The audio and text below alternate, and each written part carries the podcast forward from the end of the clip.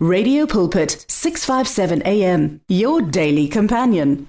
Iyabingelela emakhaya egameni lomfelo wethu Jesu Kristu sizothola izwi lethu namhlanje encwadini kaMahubo 34 verse 18 to 20 eBhayibheli masilifunda ukubonga umusa nje kuNkulunkulu.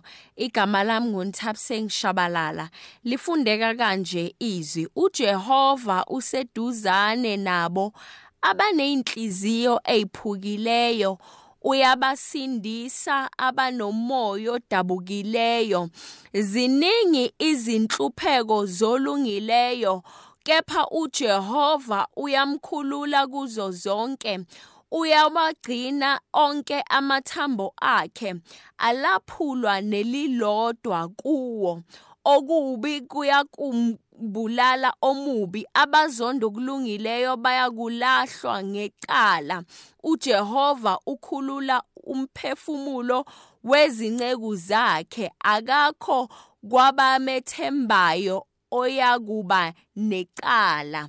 Eh izwi lanamhlanje lithi uJehova useduzane nabo abeyinhliziyo eziphukileyo iBhayibheli lithi uyabasindisa abanomoya odabukileyo. Ngilithanda la lithi khona uyawagcina onke amathambo akhe alaphulwa nelilodwa kuwo.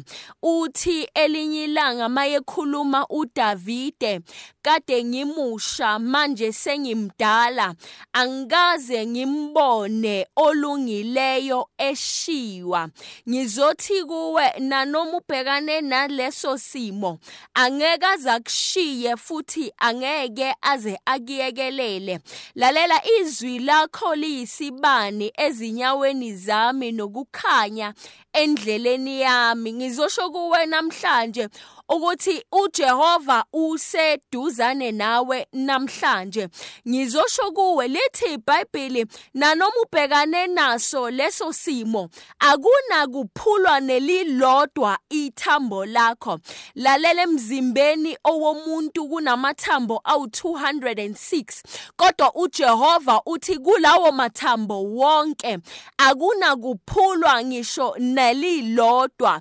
Lalela kuzofika izimo lalela kuzofika isimo esizokuzamazamisa kodwa uthi uJehova akunanelilodwa ithambo emzimbeni wakho.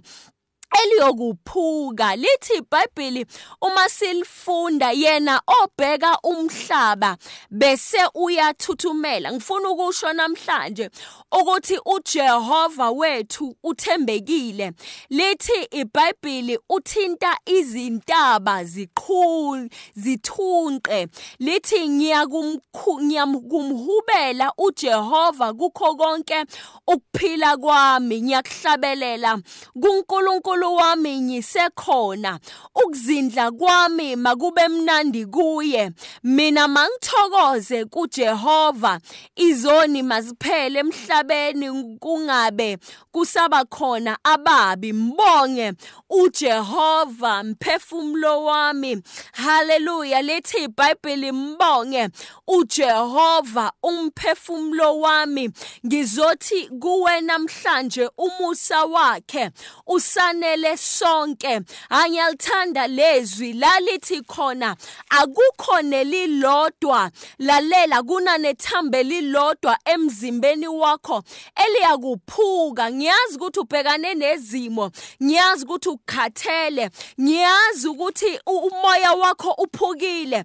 Kodwa uJehova uyasithembisa namhlanje ukuthi akuna kuphuka nelilodwa ithambo lakho.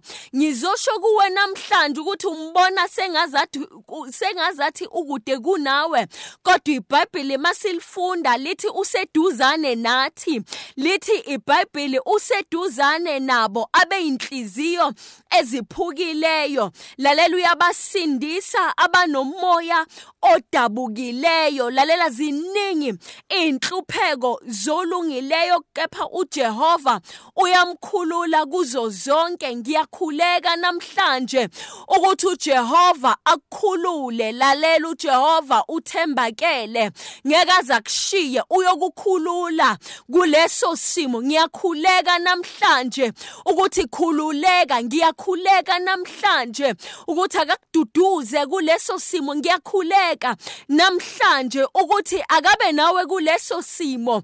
Ngiyakhuleka namhlanje ukuthi awungazizwa ukude kunaye. iBhayibheli lithi useduzane nabo abe inhliziyo eyiphukileyo. Namhlanje ngizosho njalo kuwe sihlobo sami. Ngizothi uNkulunkulu wethu ulungile. Ngizothi angeke azakushiye uthi uDavide ngangimncane kodwa ngikaze ngimbone olungileyo eshiyiwe. Ngizosho kuwe namhlanje ukuthi angeke azakushiye futhi angeke azakuyekelele usho njalo uma ekhuluma ngomusa wakhe ukuthi yebo khona umusa kodwa ngizosho namhlanje ukuthi ziningi izinhlupheko zolungileyo kepha uJehova uyamkhulula kuzo zonke. Lalela ziningi zinjalo. iBhayibheli lisho kahle lithi uzokukhulula kuzo zonke. Alithi iBhayibheli uyokukhulula kwezinye kepha iBhayibheli lithi uyokukhulula kuzo zonke ngizosho ukuthi wena olungileyo ubhekane nezinhlupheko eziningi kodwa uJehova uyasithembisa namhlanje uthi ngizokukhulula kuzo zonke futhi alikho nelilodwa ithambo emzimbeni wakho eliyokuphuka. iBhayibheli uma silifunda oprofetayo prophet emathambeni awomileyo uthi lamathambo kwabantwana bamaIsrayeli abalahlekelwe yithemba. Uthi ngabe lamathambo angaphila yini? Ithi iBhayibheli uma silifunda ithambo kwahlangana ithambo kulo ithambo kwahluma inyama emathambweni. Lalela kuso kuleso simo ekubukeka ngazathi akusenalo ithemba. Kuyohluma inyama lalela kwahluma inyama. Ngizothi namhlanje ithambo kulo akuhlume inyama ithemba lakho liyabuya namhlanje nelilodwa elakho ithambo we pray in the mighty name of our Lord and Savior Jesus Christ amen The words of the Lord are words of life. Your heart is on 657 AM. 657 AM. Radio for believers in action.